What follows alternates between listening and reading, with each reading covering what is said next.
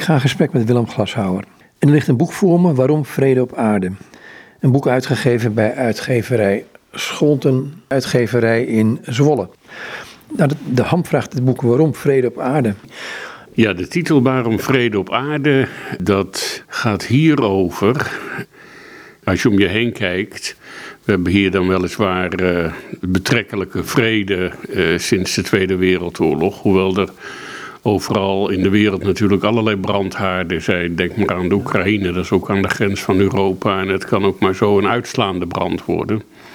Maar vrede op aarde, ik denk dat een heleboel christenen denken, nou ja, dat zongen de engelen wel in de kerstnacht, hè, vrede op aarde. Nou ja, misschien vrede in je hart. Dat kan misschien nog, hè, als je je geborgen weet in het volbrachte werk van Jezus en je hebt hem als je verlosser en zaligmaker aangenomen en hij komt door de Heilige Geest in je hart, ja, dan kun je van die echt intense geluksmomenten hebben. Dan heb je echt vrede in je hart. Terwijl het misschien een puinhoop verder in je leven is, maar je hebt vrede. En als je dan denkt over de toekomst, na het sterven, dat je dan uiteindelijk rust in vrede. Het hiernamaals, na het sterven, komen in de hemelse heerlijkheid, in de zaligheid, in aanwezigheid van God en het Lam en de verlosten die ons zijn voorgegaan.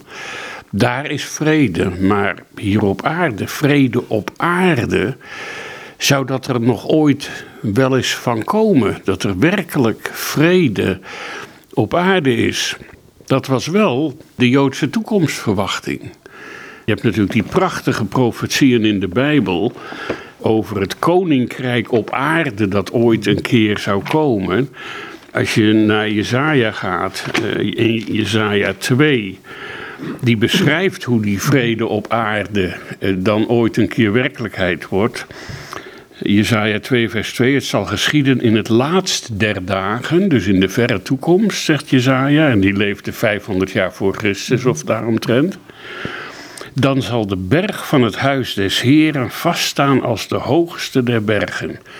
Nou, wat is die berg van het huis des Heren? Ja, die is in het hart van Jeruzalem. Dat is de berg Sion. Dat is de berg waar de tempel van Salomo op stond. Maar dan zal die berg van het huis des Heren vaststaan als de hoogste der bergen. Soms denk ik, betekent dat ook dat er geologische veranderingen dan daar in Jeruzalem gaan plaatsvinden. Want op dit moment, als je op de Olijfberg gaat staan bij Jeruzalem, dan kijk je neer op de Tempelberg, waar nu die twee moskeeën staan. Dus op dit moment is die berg Sion absoluut niet de hoogste van de bergen.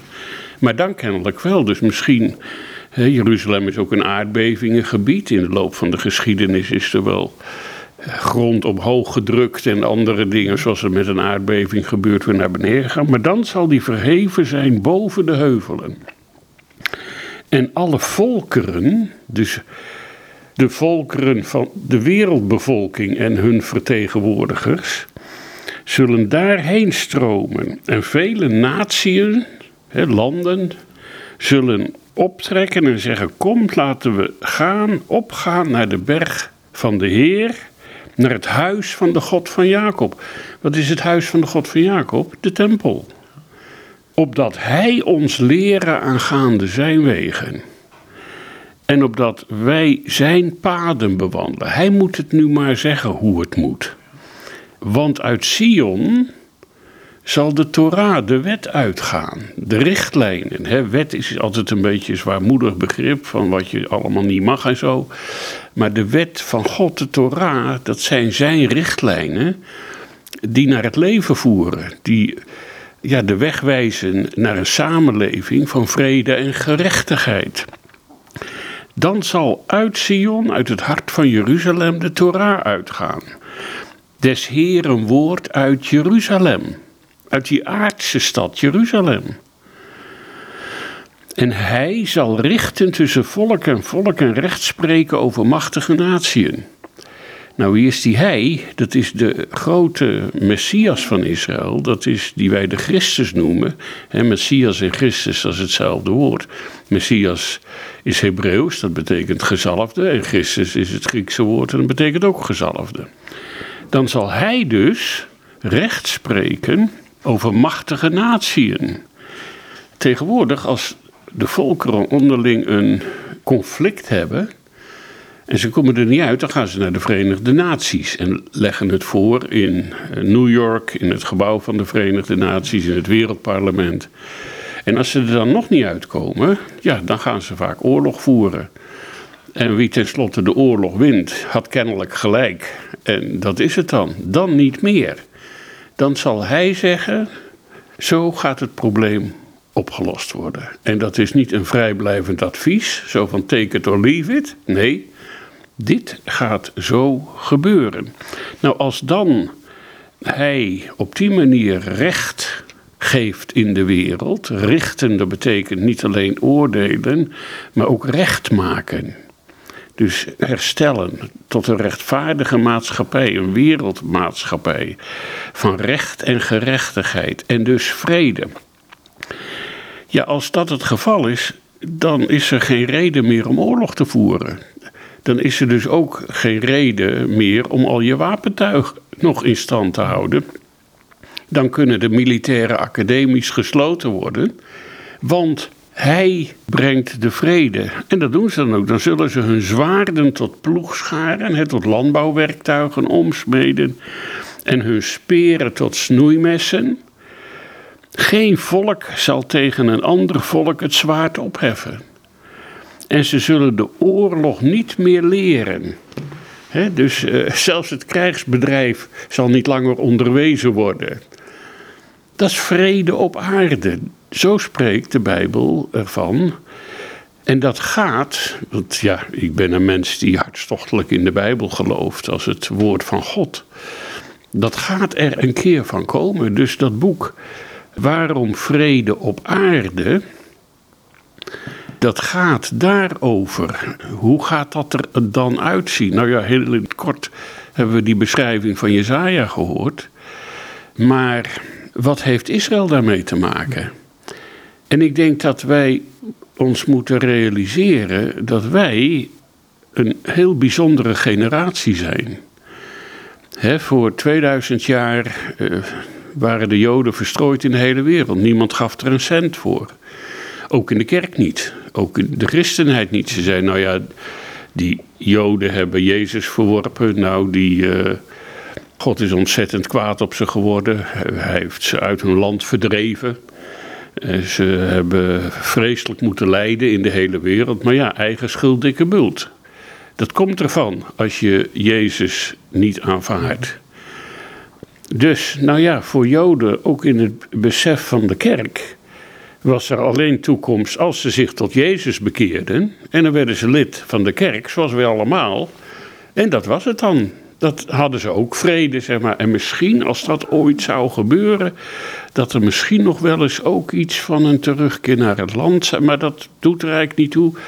Je bekeren tot Jezus. Dat moeten de Joden doen, zei de kerk.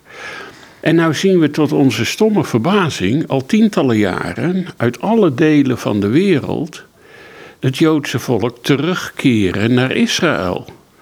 Geloven ze inmiddels in Jezus? Nee, nou ja, enkele wel. Dat noemen we dan de Messias beleidende Joden.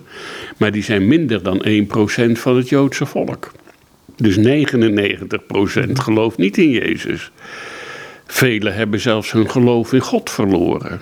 Vanwege alle verschrikkelijke dingen die ze de afgelopen 2000 jaar hebben meegemaakt. En in één keer wekt God in de Joodse ziel het verlangen om terug te keren naar Sion. Want dat is Sionisme.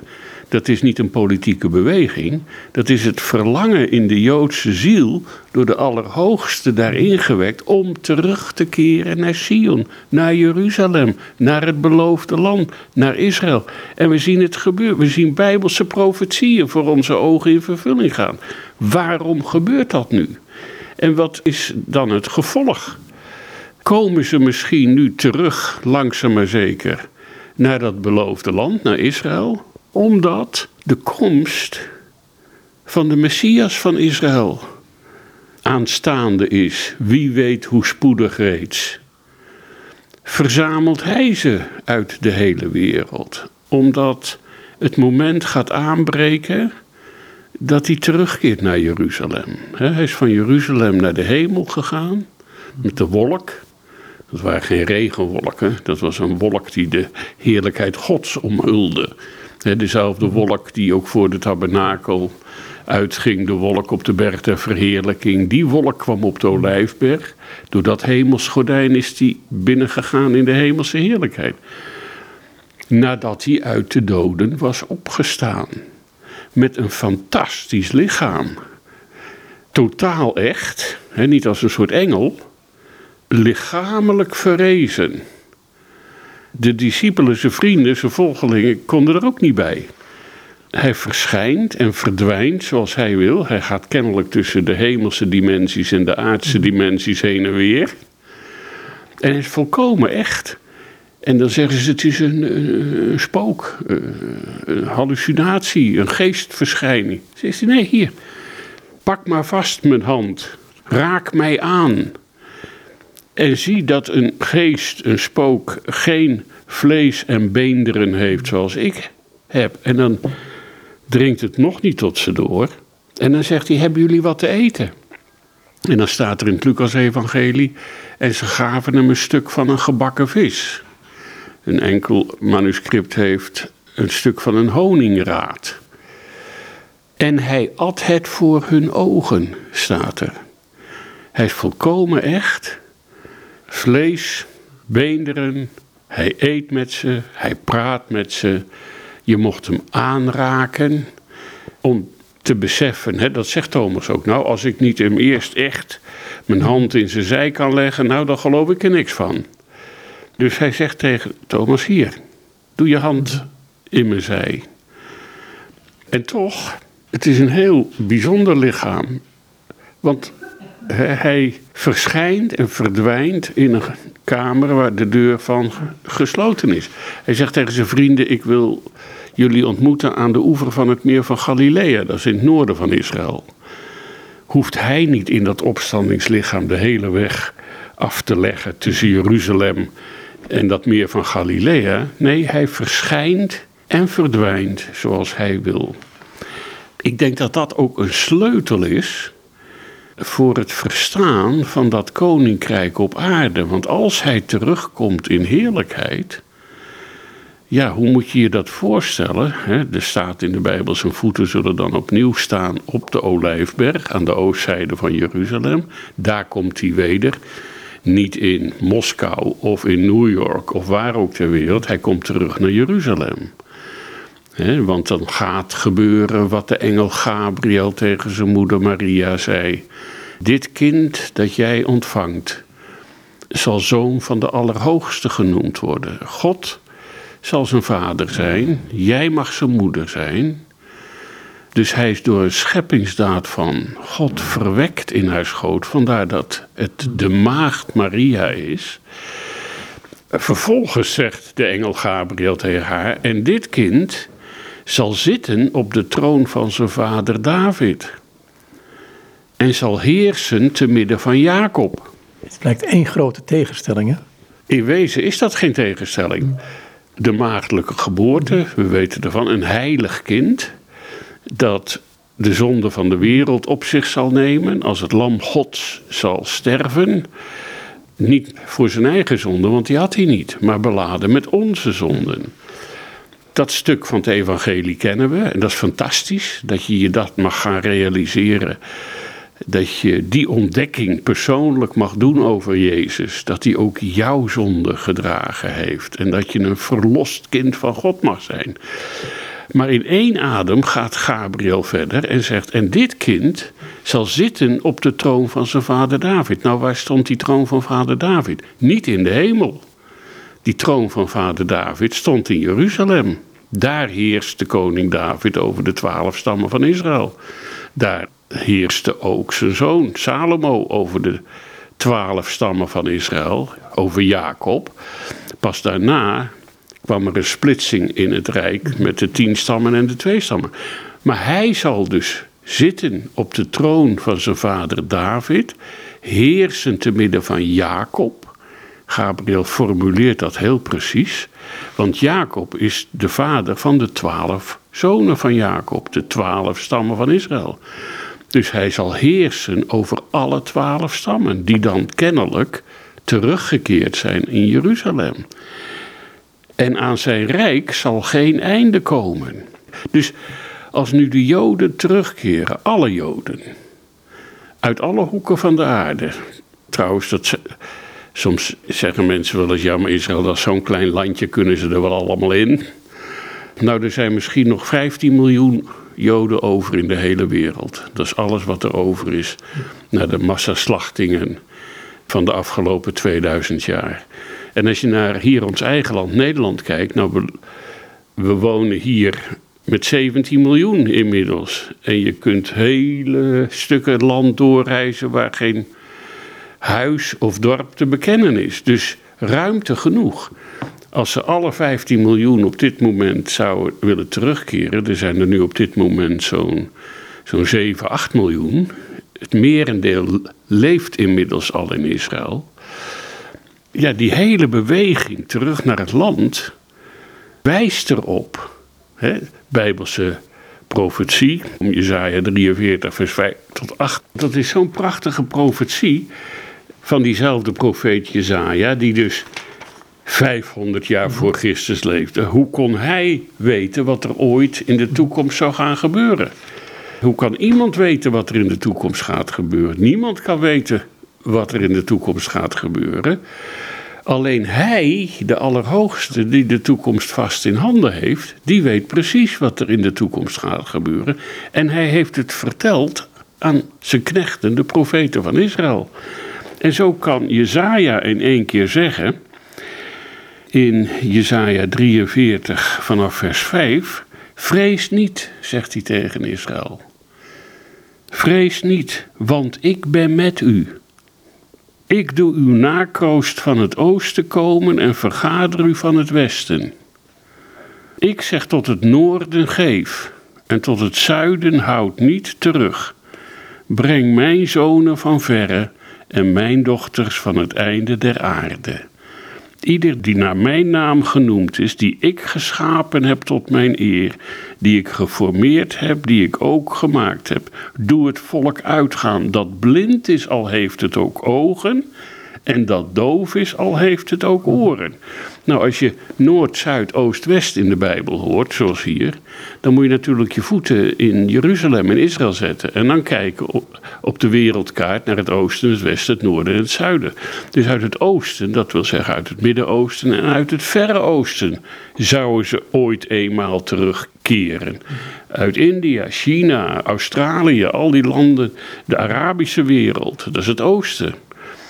Het Westen, vanuit Israël gezien, is natuurlijk Europa en tenslotte de Amerika's. En we hebben gezien hoe ze, de overlevenden uit de concentratiekampen van Europa, haast als geraamtes, lees Ezekiel 37, de vallei van de dorre doodsbeenderen, hoe de overlevenden terugkeren naar het beloofde land, ook uit het westen, tot het noorden ja, het noorden vanuit Israël gezien is tenslotte Rusland en de voormalige Sovjetrepublieken. Nou, ik herinner me dat we in de zeventiger jaren nog wel eens demonstreerden voor de Russische ambassade in Den Haag. Laat mijn volk gaan, zegt God. Maar in je hart geloofde je het niet, want het communisme was almachtig. Het ijzeren gordijn zat potdicht. Daar kon niemand uit. En van de ene dag op de ander gaat dat ijzeren gordijn in tweeën. Profetisch gezien om geen andere reden dan dat de Joden zouden kunnen terugkeren, ook uit het Noorderland. En daar kwamen ze. Op het moment mensen van ons teams zijn in de Oekraïne bezig om te proberen Joden te helpen ontvluchten uit de oorlogssituatie terug naar Israël, want de tijd is gekomen via Moldavië, via andere vluchtroutes uit het noorden. En het zuiden, ja, vanuit Israël gezien, is dat natuurlijk Afrika. De zwarte Joden van Ethiopië en uit andere delen van Afrika. Dus we zien het met eigen ogen gebeuren. Ik heb ooit theologie gestudeerd eh, aan een universiteit eh, in Nederland. En ik herinner me dat dan een professor wel eens zei: Ach, al die terugkeerteksten die je dan in de Bijbel leest. Uh, die Bijbel is een oud boek, dat, komt, uh, dat slaat allemaal op de terugkeer uit de Babylonische ballingschap. En die vond plaats tussen 500 en 600 voor Christus. Dat heeft niks meer met vandaag te maken. Dat is allemaal al in vervulling. staat allemaal op toen. En zei hij er soms bij, nou ja, want profetie, wat is profetie? Niemand weet wat de toekomst inhoudt. Dus het is een stijlvorm waarin in een soort toekomstig beeld dingen beschreven worden die al lang gebeurd zijn. Die al lang historie waren. Maar als ik die tekst lees, waar komen ze terug? Het noorden, het zuiden, het oosten. Waar lag Babylon? In het hedendaagse Irak zo ongeveer. Daar zijn ze inderdaad toen uit teruggekeerd, maar dat is vanuit Israël gezien. Het oosten of het noorden, het noordoosten zeg maar.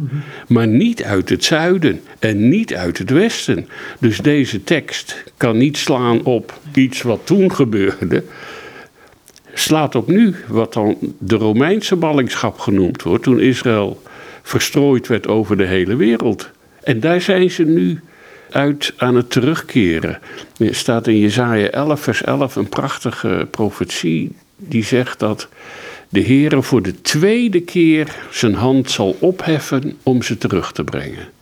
De eerste keer was uit die Babylonische ballingschap. De tweede keer is nu uit de Romeinse ballingschap van over de hele wereld. Er staat nergens dat hij een derde keer zijn hand zal opheffen om ze terug te keren. Bij die tweede keer in Jesaja 11 vers 11 staat ook Sinim. Ze zullen terugkeren uit Sinim. China staat gewoon in de profetie vermeld als een van de gebieden waaruit de Joden zullen terugkeren. Dus wij zien iets fenomenaals gebeuren. Kijk, dat in de afgelopen 2000 jaar christenen eigenlijk niet zo'n idee hadden over Israël of over eh, de toekomst van het Joodse volk. Dat kon je in zekere zin uh, nog wel begrijpen, want er was ook niks om te zien. De, de Joden die waren verstrooid over de hele wereld, moesten vreselijk lijden, zaten, nou ja, Niemand gaf er een cent voor. Iedere keer werden ze weer opgejaagd en beroofd en bespot. En, hè, nou ja, denk maar terug aan, uh, aan de kruistochten en aan de inquisitie. En wat Luther over de Joden gezegd heeft. En, en over de holocaust natuurlijk. Dus je gaf er geen cent voor. Wij zien het gebeuren. Als je nu nog blijft volhouden je oude theologie dat God gedane zaak heeft gemaakt met de Joden, dat de kerk het nieuwe Israël geworden is. Onzin. Hij heeft eeuwige verbonden met het volk gesloten. En hij zal absoluut alles wat hij aan Israël beloofd heeft, aan Israël in vervulling doen gaan. Net zo goed als dat hij alles wat hij aan ons, aan de christenheid beloofd heeft, aan ons in vervulling zal doen gaan. Maar de theologie heeft daar een soort onheilige mix van gemaakt. Nou, toch een vraag over. Hè? Eh, je zegt ze zijn voor de tweede keer in ballingschap gegaan.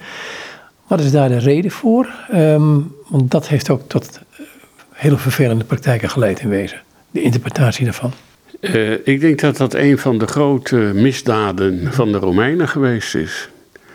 Het uh, verzet van de Joden om zich niet te laten knechten door de Romeinen nam dusdanige vormen aan dat de Romeinen besloten hebben dat volk uh, uh, over de kling te jagen. Ze hebben dus uh, in het jaar 70 onder leiding van Titus, die later ook nog keizer geworden is, hebben de Romeinse legioenen de stad ingenomen. Ze hebben meer dan een miljoen Joden afgeslacht. Ze hebben honderdduizenden Joden uh, uh, gedumpt op de slavenmarkten van het Midden-Oosten. Ze hebben duizenden Joden meegesleurd naar Rome om ze in triomf uh, aan het, het, Romeinse volk te tonen.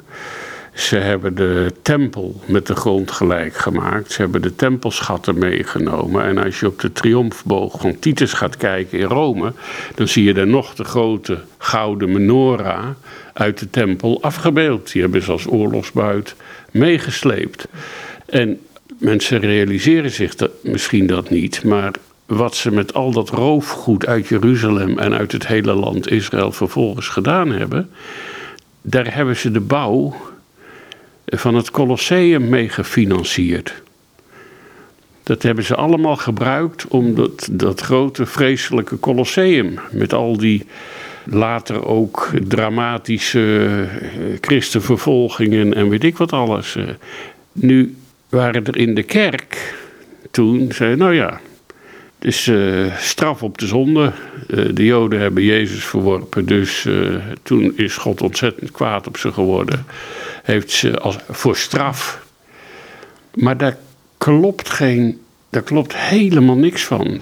Ja, maar er toch een vraag over, want de kerk bestond op dat, of de gemeente bestond op dat moment toch voor grote delen uit Joodse gelovigen. Nou, daarom. Toen Jeruzalem met de grond, hè, de tekst die dan wordt aangehaald is dat eh, de Joden riepen: Zijn bloed komen over ons en over onze kinderen. In een van mijn andere boeken probeer ik dat, eh, in het boek Waarom Israël geloof ik, probeer ik dat uh, uitvoerig uit te leggen wat, wat daarmee bedoeld werd.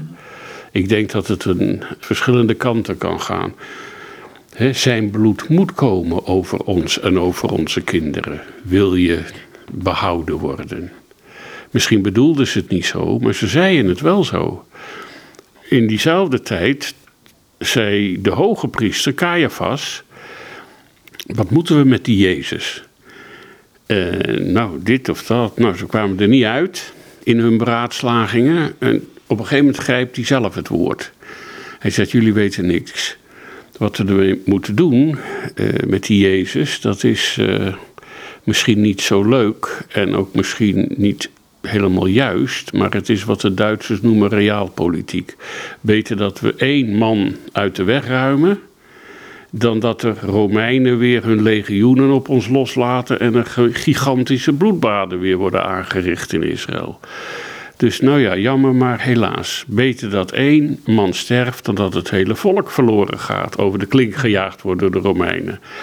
Hij bedoelde het niet zo, maar hij zei precies, dat kun je dan lezen in het Johannesevangelie, de bedoeling van God. Beter dat één mens sterft, Jezus aan het kruis, dan dat de hele wereld verloren gaat. Nou, zo zit dat ook met het zijn bloed komen over ons. Daar waren natuurlijk in het jaar 70, net wat je zegt, er waren wel ook al heidenen, niet-Joden tot geloof gekomen. Maar het overgrote deel van de christelijke gemeente uh, was Joods. Uh, hadden die dat verdiend, dit oordeel Gods, om over de kling gejaagd te worden in Jeruzalem?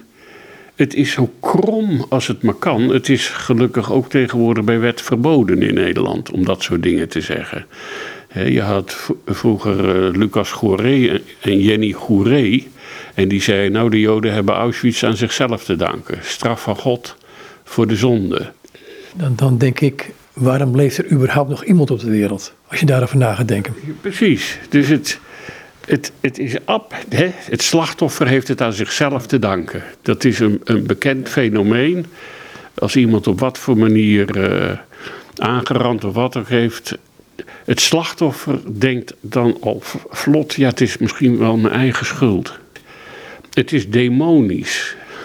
Dus het is misdaad van de Romeinen geweest. En het, uh, maar het had ook een positief zijeffect, denk ik wel eens. Want ze werden dus verstrooid vanuit Jeruzalem, Joodse christenen, maar ook gewoon de Joden, met hun, met hun Torah-rollen, met hun Bijbels. Uh, de synagogen verspreidden zich in de wereld, waar ze maar verdreven werden. Nou ja, toch proberen een kleine synagoge te stichten en de heilige rollen daar te hebben en het woord van God te lezen en het geloof overeind te houden in de enig ware God, de schepper van hemel en aarde. Um, tegelijkertijd gingen ook de zendelingen verspreiden zich in de hele wereld. Ze gingen haast hand in hand om aan de volkeren in de wereld het evangelie over Jezus te vertellen. Van de ene ware God, de schepper, en van zijn zoon Jezus. En als die volkeren dan zouden vragen, ja maar welke God is dat? Dan konden ze zeggen, nou is de God van de Joden. Dus of daar dus niet in die verstrooiing ook een positief idee van de Allerhoogste uitgezien was om op die manier het evangelie de wereld in te krijgen. Terwijl Israël zelf voor het overgrote deel doof en blind bleef.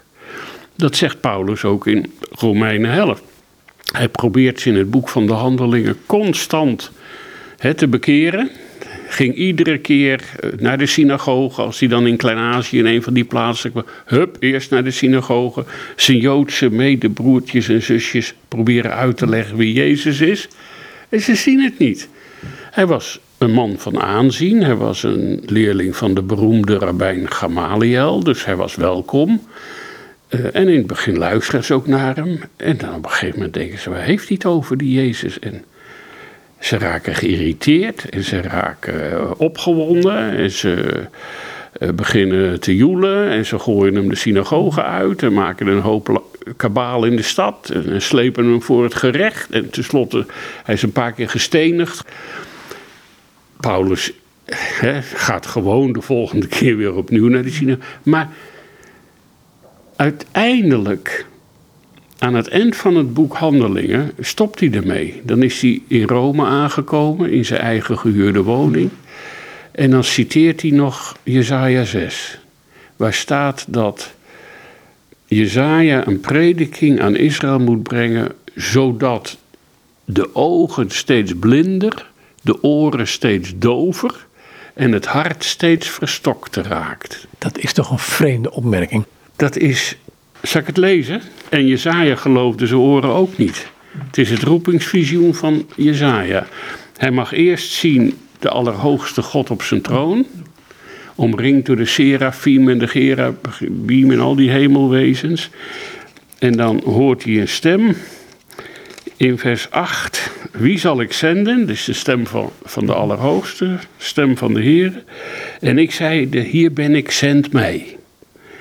En dan krijgt hij zijn opdracht. Dan zegt de Allerhoogste, toen zeide hij, ga tot dit volk, hoort al door, maar verstaat niet. Ziet al door, maar merkt niet op. Maak het hart van dit volk vet, maak zijn oren doof, doe zijn ogen dichtkleven, opdat het met zijn ogen niet zie en met zijn oren niet horen en opdat zijn hart niet verstaan, zodat het zich niet bekeren en genezen worden. Want dat wil ik niet, zegt God. En dan zegt Jezaja, verbijsterd, hoe lang, heren? En hij antwoordde, totdat de steden verwoest zijn, zodat er geen inwoner meer is, de huizen, zodat er geen mens meer in is, bouwland verwoest, wildernis, en de Heere de mensen ver verwijderd heeft. Maar hij spreekt dan ook nog over een, een soort terebint met een. Maar het is bijna praktisch helemaal gebeurd. Dit gedeelte uit Jesaja 6 wordt in het Nieuwe Testament twee keer aangehaald. Eén keer door Jezus zelf, want dan vragen zijn discipelen Waarom spreekt u tot de mensen hier in gelijkenissen, in voorbeelden uit het dagelijks leven en tot ons rechtstreeks? En dan zegt hij, omdat Jezaja 6 zegt, ze kunnen het niet horen. En Paulus besluit dus in het eind van het boek van de Handelingen, terecht zegt Jezaja, doof, blind. En dan besluit hij met te zeggen, en daarom vanaf nu ga ik naar de niet-Joden en zij zullen het horen. En in Romeinen 11 komt hij daarop terug en zegt hij: eh, Ik heb alles geprobeerd. Maar er is een mysterie Gods in de doofheid en de blindheid van Israël. God gaf hun ogen eh, om niet te zien, oren om niet te horen en een hart om niet te verstaan. De kerk heeft vaak de Joden verweten dat ze niet in Jezus geloofden. Maar kan je een blinde verwijten dat hij je niet ziet? Hij kan je niet zien, hij is blind. Of een dove dat hij je niet hoort, ook al schreeuw je tegen hem. Hij kan je niet horen, hij is doof. Tot op de huidige dag, zegt Paulus. En we hebben dat stuk gelezen over de profetische terugkeer. Dat ze uit alle. Hoe keren ze terug? Doet het volk uitgaan. Dat doof is, al heeft het ook oren. Dat blind is, al heeft het ook ogen. Dus ze komen niet uit de hele wereld terug als een bekeerd volk. Ik heb al gezegd, er zijn enkele die in Jezus geloven, maar het merendeel niet. Ik heb ook gezegd, velen hebben hun geloof in hun God zelfs verloren door alle verschrikkelijke dingen die ze hebben meegemaakt. Dus doof voor wie Jezus is, blind voor wie Jezus is, keren ze terug uit de hele wereld. Dat is precies wat we zien gebeuren. Ze keren terug, Sionisme, verlangen in het hart om terug te keren naar Jeruzalem, naar Sion, naar het beloofde land. A. Jezus doet dat. Het gaat nu, hebben we geen tijd om die gedeelte nog te lezen, maar dat is dan in Jesaja 49, dat God tegen de wereld zegt, breng ze terug. Help ze terug te keren naar het land. Want ik denk dat er zeker acht à negen verbonden door de Allerhoogste met Israël gesloten zijn over het beloofde land, over het eeuwig koningschap van het huis van David, over Jeruzalem, de stad Jeruzalem, over het eeuwig priesterschap van Levi. Kortom, en hij heeft al die verbonden met een dure eed gezworen bij zijn eigen naam toen hij ze maakte. Dus hij gaat absoluut doen wat hij beloofd heeft. Want liegen, kan hij niet. En we zien dus alle voorbereidselen getroffen. En onderdeel daarvan is ook dat hij ze in één keer. Misschien kunnen we dat nog lezen. In de profeet Zacharia. Het is niet echt een gesprek dit tussen ons, hè? Want je zit me voor jou te praten. Ja. ja, maar dan raak ik zo opgewonden. Ja, maar dit gaat wel over het boek allemaal. Want je kunt, je kunt het, dit staat eh, vrij gedetailleerd toch in het boek beschreven. En je kunt het als heel mooi als een soort blauwdruk gebruiken om, om er gewoon goed over na te denken wat je gezegd hebt. Absoluut, dat is ook de bedoeling. Deel 1 was waarom is de verlosser van de wereld een Jood? Mhm. Niet zomaar een mens. Hè? Anselmus van Canterbury zegt: God moest mens worden om de schuld van de mens te kunnen verzoenen. En dat is absoluut waar. Schitterend. Hè? Wat deze Roomse abt van een, een klooster in Normandië, geloof ik. En later dus. Uh, Canterbury, waar die uh, beland is. Dat is de grondslag geworden voor het denken over de verzoening. Zowel bij de Rooms-Katholieken als bij de protestanten, als bij de evangelischen, als bij de Anglikanen, noem maar op. Dus God die mens werd. Maar dat hij ook Jood was, dan denken ze vaak, ja, dat was min of meer toevallig. Hij had ook wel misschien een Chinese mens kunnen zijn, of een eh, Nederlandse mens, of een Afrikaan. Of, uh, nee, hij moest mens zijn. Hij moest Jood zijn. Uh, mens zijn en Jood zijn. want hij moest geboren zijn in het verbond van de wet. De heilige wet. Mozes in de woestijn. God die de wet geeft. Mozes die het volk Israël vraagt: En willen jullie in deze verbondsrelatie met deze God treden? Ja hoor, zeggen ze. Ik denk dat ze geen flauw idee hadden waar ze ja tegen zeiden, maar goed. De wet is dus aan Israël gegeven en het verbond van de wet is met Israël gesloten. Niet met de volkeren van de wereld en niet met de kerk of, of wie dan ook, met Israël.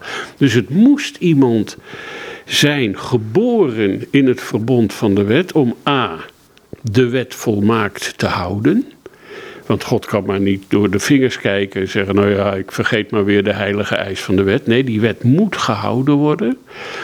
En de enige mens in de hele wereld die dat ooit gedaan heeft, is Jezus.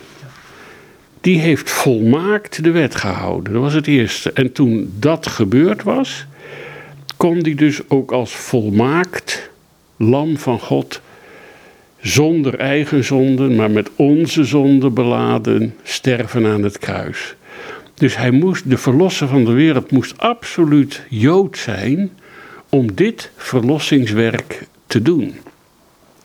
Dus daarmee zie je, als Jezus later dat gesprek heeft met die Samaritaanse vrouw, dan probeert ze een soort discussie op gang te brengen wat de ware godsdienst is. Ze zeggen wij Samaritanen hebben hier een tempel, de Joden hebben daar een tempel.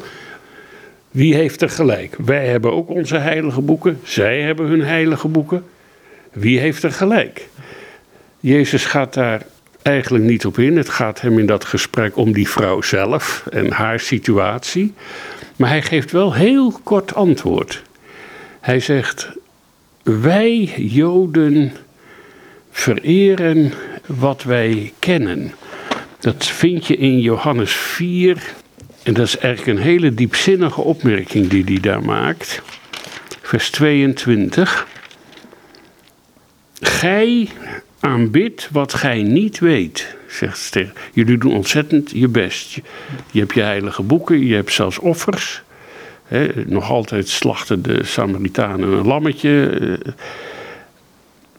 Je doet echt je best. Hij zou het in wezen tegen elke godsdienst kunnen zeggen, die allemaal hun best doet om God te dienen op een of andere manier. Maar gij aanbidt wat gij niet weet, maar je kent God niet echt. Het blijft iets waar je eigenlijk geen weet van. Wij aanbidden wat wij weten. Wij, Joden, kennen God. Hij is onze vader, hij heeft ons geschapen. Hij heeft ons zijn woord gegeven, hij heeft ons een verbonden gegeven. Dus wij aanbidden wat wij weten, want het heil is uit de Joden. Waar, soms zeg ik wel eens het heil was uit de Joden. toen de wijsheid van de Torah over de hele wereld ging. En de richtlijnen daarmee, als de tien geboden, waaronder de tien geboden, als de volkeren daarna zouden wandelen, dan waren we al halverwege het paradijs op aarde, om zo maar te zeggen.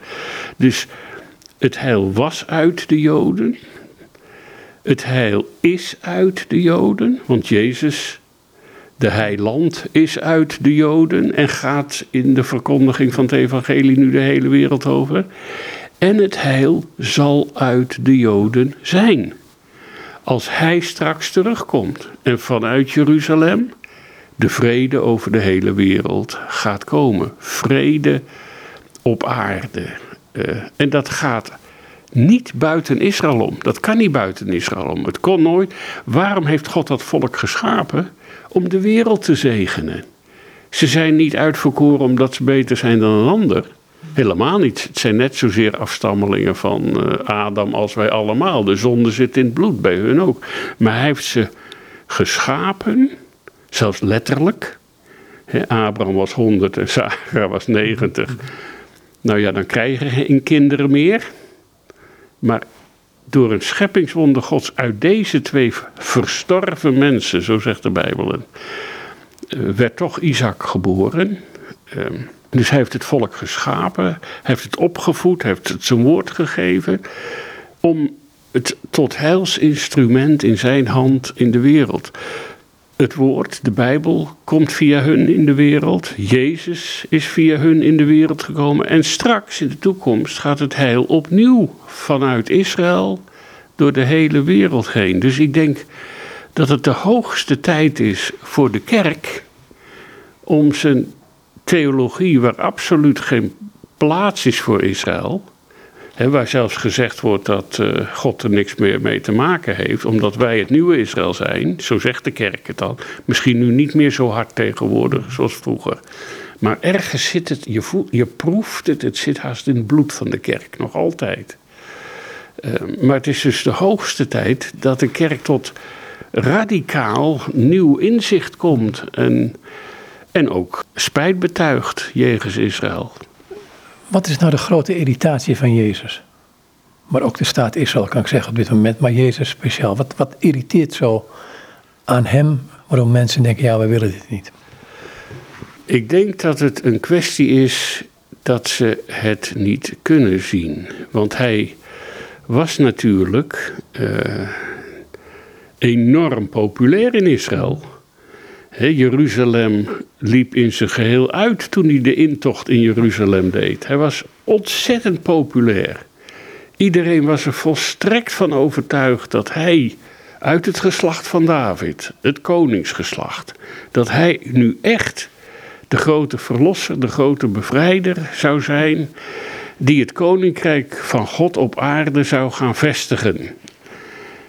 Maar toen dat dus niet gebeurde, toen sloeg de stemming om. Maar hij was dus, de Joden waren helemaal niet tegen hem. Ja, een paar fanatieke leiders, zeg maar. Maar ze, jasjes op de grond, takken van de bomen, Baruch Abba Adonai, gezegend hij die komt in de naam des Heeren, gezegend de grote zoon van David, gezegend de koning van Israël, vrede op aarde, roepen ze. Het gaat nu echt gebeuren. En daarbij hoorde ook de lichamelijke verrijzenis van de rechtvaardigen. Dus ze hadden geweldig hoop van hem. Maar Jezus weent als hij Jeruzalem, hij huilt. Hij zegt, och, kon je maar zien wat tot je vrede dient. Maar nu is het verborgen voor je ogen. En als er iets verborgen is voor je ogen, dan kun je het niet zien. Dan ben je doof en blind en kun je het niet zien met de beste wil van de wereld niet. Als hij in Matthäus 16 vraagt hij aan zijn discipelen: uh, Wie zeggen jullie dat ik ben? En dan zegt Petrus: Gij zijt de Christus, de zoon van de levende God. Meteen daaroverheen zegt Jezus: Dat kan geen mensje leren, maar mijn Vader die in de hemel is, die heeft het je laten zien. Maar als die het niet laat zien, dan zie je het niet. En dus hij zegt aan het eind van dat gedeelte ook: Je moet hier verder maar niet over praten. Hetzelfde gebeurt een hoofdstuk later in Matthäus 17, de verheerlijking op de berg. Dan zien Petrus en Jacobus en Johannes dat fantastische visioen.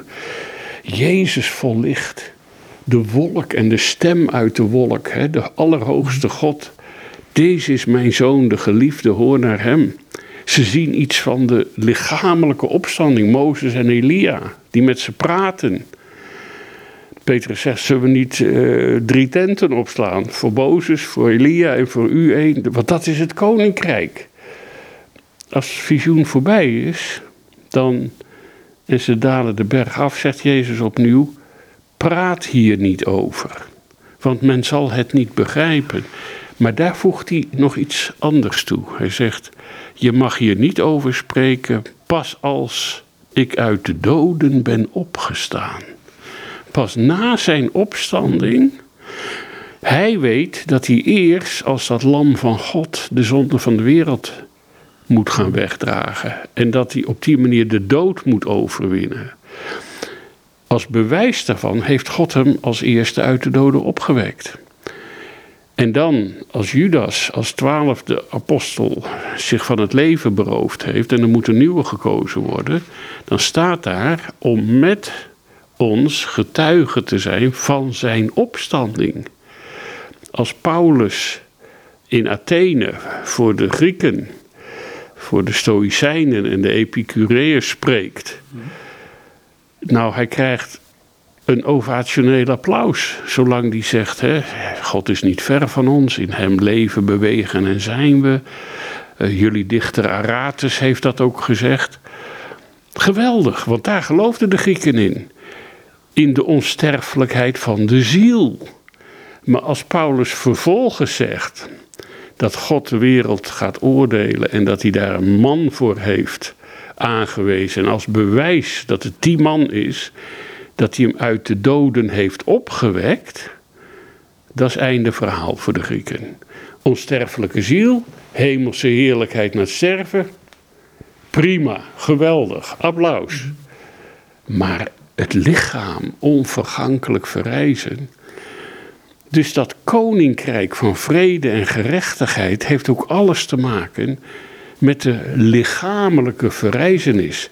Je ziet dat al uh, als hij zelf is opgestaan uit de doden, hoe rondom Jeruzalem, waar je al die, die graven hebt in de rotsen uitgehouden, dat de graven breken open en oud-testamentische Joodse heiligen, rechtvaardigen verschijnen, wandelen de stad in en zeggen wie ze zijn. En ik denk dat hij ze bij zijn hemelvaart heeft meegenomen. Zoals Paulus schrijft, krijgsgevangenen voerde hij mede. Dus al een eerste groepje, dat ook meteen. Dus dat koninkrijk van vrede op aarde komt er echt. Jezus komt in dat fantastische opstaan. En wij, Johannes schrijft, wij zullen hem niet alleen zien zoals hij is, met dat geweldig verheerlijkte, we zullen hem ook gelijk wezen. We krijgen dan de totale verlossing. Als je nu tot Jezus komt, dan word je innerlijk vernieuwd. Wederom geboren, noemt de Bijbel dat. En dan, is een soort vorming naar het beeld van Jezus, begint zich dan. dan begint er iets in je hart, in je ziel, in je geest te ontstaan. Gemeenschap met God. Dan komt er een proces op gang waarin je steeds meer in de navolging van Christus ook steeds meer op hem gaat lijken. Niet door eigen krachtsinspanning, maar door de geest die in je woont. En je krijgt een uitstraling van Jezus, om het zo maar te zeggen. Dus de nieuwe mens die dan ontstaat, die groeit gedurende je hele leven. Maar het lichaam, ja, dat gaat toch eerst de aarde in en sterft. Maar ooit komt het moment dat het onvergankelijk wordt opgewekt, zodat het aan zijn verheerlijk lichaam gelijkvormig wordt. Dat we net zo'n. Dus dan zijn we totaal verlost naar geest, ziel en lichaam. De grote verlossing is niet dat je van je lichaam verlost wordt bij het sterven, om dan als een ziel in de hemel voort te leven. Ja, dat ook. Absoluut waar. Maar de uiteindelijke verlossing is niet om als een engel in de hemel te leven, maar is ook de verlossing van je lichaam zelf. Van alles wat er niet in thuis hoort, door erfelijkheid, door ziekten, door, door het eindeloze sterven wat in de schepping beland is enzovoort. Dus voordat dat koninkrijk van vrede op aarde kan komen, hebben we ook een nieuw lichaam nodig. En dat gaat er een keer van komen. En nu de Joden terugkeren, ontdek je in één keer, en het gaat niet lang meer duren. Want hij brengt ze terug om ze daar te ontmoeten. En vlak voordat hij dan komt in heerlijkheid, zal hij eerst de doofheid en de blindheid van Israël wegnemen. Dat staat in Zacharia 12. Daar waren we er net al naar op zoek, maar toen raakten we weer over wat anders aan de praat. Hoe zou het nou komen? Ja, het komt toch nog. Uh, dan staat er hier in Zachariah 12 vanaf vers 10: Ik zal over het huis van David en over de inwoners van welke stad? De Joden van Amsterdam of Moskou of New York of Buenos Aires? Of nee, de inwoners van Jeruzalem. Dus als dat gaat gebeuren en je bent Joods, dan kun je maar beter in Jeruzalem en in Israël zijn, want daar gaat het gebeuren. Uitgieten de geest der genade en der gebeden, de Heilige Geest, een aparte uitstorting. Ze zullen hem aanschouwen, zullen één keer zien die ze doorstoken hebben. Die we doorstoken hebben. Want wie deden het doorsteken? De Romeinen. Niet de Joden sommigen hebben hem uitgeleverd aan de Romeinen, maar uh, hem doden mochten ze niet. soms wel, ja, de, Jezus, eh, de Joden hebben Jezus uh, gedood. Nee, de Romeinen hebben Jezus gedood aan het kruis. Eigenlijk de hele wereld. Joden, niet-Joden, Romeinen. We zijn allemaal schuldig aan zijn dood. Omdat onze zonden hebben hem aan het kruis gebracht. Als wij geen zondaar waren, had hij niet hoeven sterven als het lam van God. Maar hij heeft dat vrijwillig gedaan. Maar dan zullen ze hem aanschouwen en over hem een rouwklacht aanheffen. Als de rouwklacht over een enig kind, ja, ze zullen over hem bitter leed dragen als het leed van een eerstgeborene. Dan zal Israël, Gods eerstgeboren zoon, rouw bedrijven over hun eerstgeboren zoon Jezus. Te dien dagen zal in Jeruzalem de rouwklacht groot zijn. Maar niet alleen in Jeruzalem, het land zal een rouwklacht aanheffen. Alle geslachten afzonderlijk. Het geslacht van het huis van David afzonderlijk, hun vrouwen afzonderlijk. Het geslacht van het huis van Nathan afzonderlijk en hun vrouwen afzonderlijk. Het geslacht van het huis van Levi afzonderlijk en hun vrouwen afzonderlijk. Koning, priester en profeet. De geestelijke leiding, de politieke leiding, van hoog tot laag, zullen een rouwklacht aan hebben. Mannen afzonderlijk en vrouwen afzonderlijk, hoofd voor hoofd. zelfs ook het geslacht van Simi afzonderlijk. En hij is een type in de Bijbel die uh, God vervloekte. Dus je zou kunnen zeggen het atheïstische deel van is allen, van hoog tot laag. En alsof Zacharia niemand vergeten wil, alle overige geslachten, alle geslachten afzonderlijk en hun vrouwen afzonderlijk. Dat is wat Paulus bedoelt als hij zegt, en dan zal gans Israël in één keer de openbaring krijgen. Niet slechts dat kleine groepje Messias Beleidnio, maar dan van hoog tot laag. In één, en dan zullen ze hem zien. Dan komt hij in heerlijkheid om dat fantastische koninkrijk wereldwijd te brengen. Daar besluit je een boek mee met het Maranatha. Maranatha, daar kan je toch naar verlangen. Kom, Heere Jezus. Ja, kom haastiglijk. Niet, wie verlangt niet dat het eindelijk vrede wordt. En dat het eindelijk de dood niet meer de heerschappij heeft. Dat tenslotte de hele schepping zal gloeien van eeuwigheidsgehalte. Geweldige toekomst. Lijkt mij ook. Ik was hier wel later, dankjewel. Graag gedaan. En dit is Willem Glashouwer. En met hem was ik, nou in gesprek wil ik het niet noemen. Ik heb naar hem geluisterd. En het ging op basis van het boek Waarom Vrede op Aarde. Het is trouwens het tweede deel van een tweeluik. Het eerste deel heet Waarom is Jezus Jood? De beide boeken zijn uitgegeven bij uitgeverij Scholten in Zwolle. Goed nogmaals, dus over dit gesprek met Willem Glashouwer.